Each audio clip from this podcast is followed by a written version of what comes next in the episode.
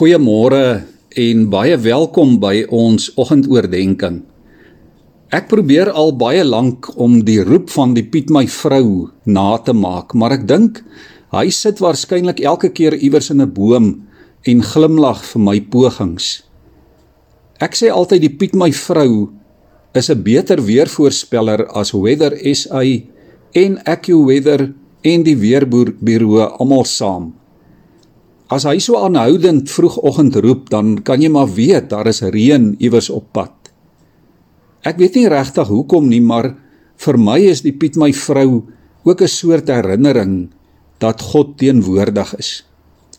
Wanneer hy so prominent vroeg in die oggend roep en ook in die laatmiddag, is dit 'n bevestiging dat die dag aan God behoort en dat hy sy skepping in sy hande hou en dat ons saam met hom is en hy saam met ons. Dit het my ook laat dink aan Psalm 84. 'n Psalm van die Koragiete wat vertel van die mossies wat 'n tuiste het en die swaalkies wat hulle neste het by die altare van die Here in sy tempel. 'n Hele paar van die psalms is geskryf en gesing deur die Koragiete. En dit is baie interessant om te weet wie hulle was. Hulle voorvader Korag was 'n revolusionêre leier wat sonde gedoen het en deur die Here veroordeel en gestraf is. Korag se kleinkinders en agterkleinkinders is as deurwagte by die tabernakel en die tempel aangestel. Net die priesters en die leviete kon in die Here se huis ingaan en die koragiete moes by die deur bly staan en wag hou. En terwyl hulle daar buite staan, sien hulle dan die mossies en die swaalkies wat by die tempel se dak ingaan om daar binne te gaan nes maak. En dan beny hulle die mossies en die swaalkies. Hierdie Koragiet wens dat hy ook soos die voeltjies in die Here se huis kan ingaan om hom daar te loof en te eer. Maar hoor dan wat sê hierdie Koragiet in vers 11. Hy sê een dag in u voorhoewe is beter as 'n duisend daar buite. Ek wag liewer op die drempel van die huis van my God as om te woon in tente van goddelose mense. Liewe vriende, dit is 'n geweldige woord. Een dag in ongerief buite die deur van die huis van die Here is beter as 'n duisend dae van groot gerief in huise waar God nie teenwoordig is nie. Om naby God te wees en te weet hy is naby jou, gee aan jou lewe waarde. En God seën die wat naby hom is. 3 keer herhaal die digter: Dit gaan goed met die mens wat op God vertrou.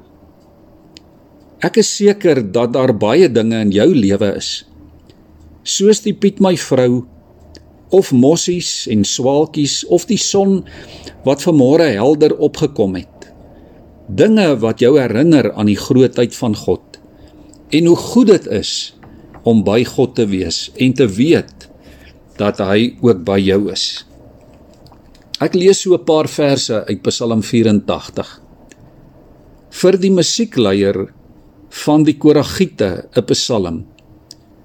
Hoe lieflik is u woning, Here, heerser oor alle magte.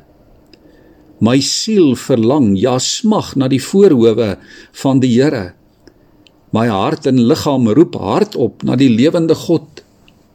Selfs 'n mossie vind 'n tuiste en 'n swaalkie haar nes waarin sy haar kleintjies neerlê by u altare. Here, heerser oor alle magte, my koning en my God. Hoe gelukkig is hulle wat in u huis woon. Hulle loof u gedurig.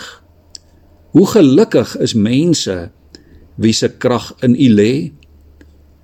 Want 'n dag in u voorhoewe is beter as 'n duisend daar buite.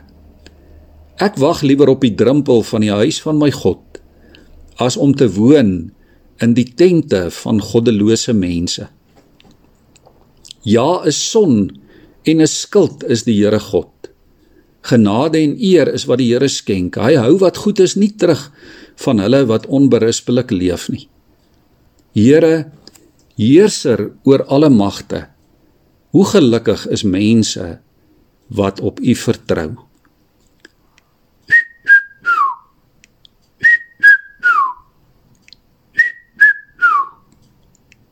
Kom ons bid saam. Here, om naby U te wees, het meer waarde as enige iets anders. En Here, om te weet U is by ons. Dankie dat U vir ons plek maak by U en dat U U seun gestuur het om ons na U toe te roep. Here, lei ons vandag deur U teenwoordige Heilige Gees om die tekens en stemme en klanke en geure van u nabyheid te herken en opnuut te ontdek dat u die lewende God is. Amen.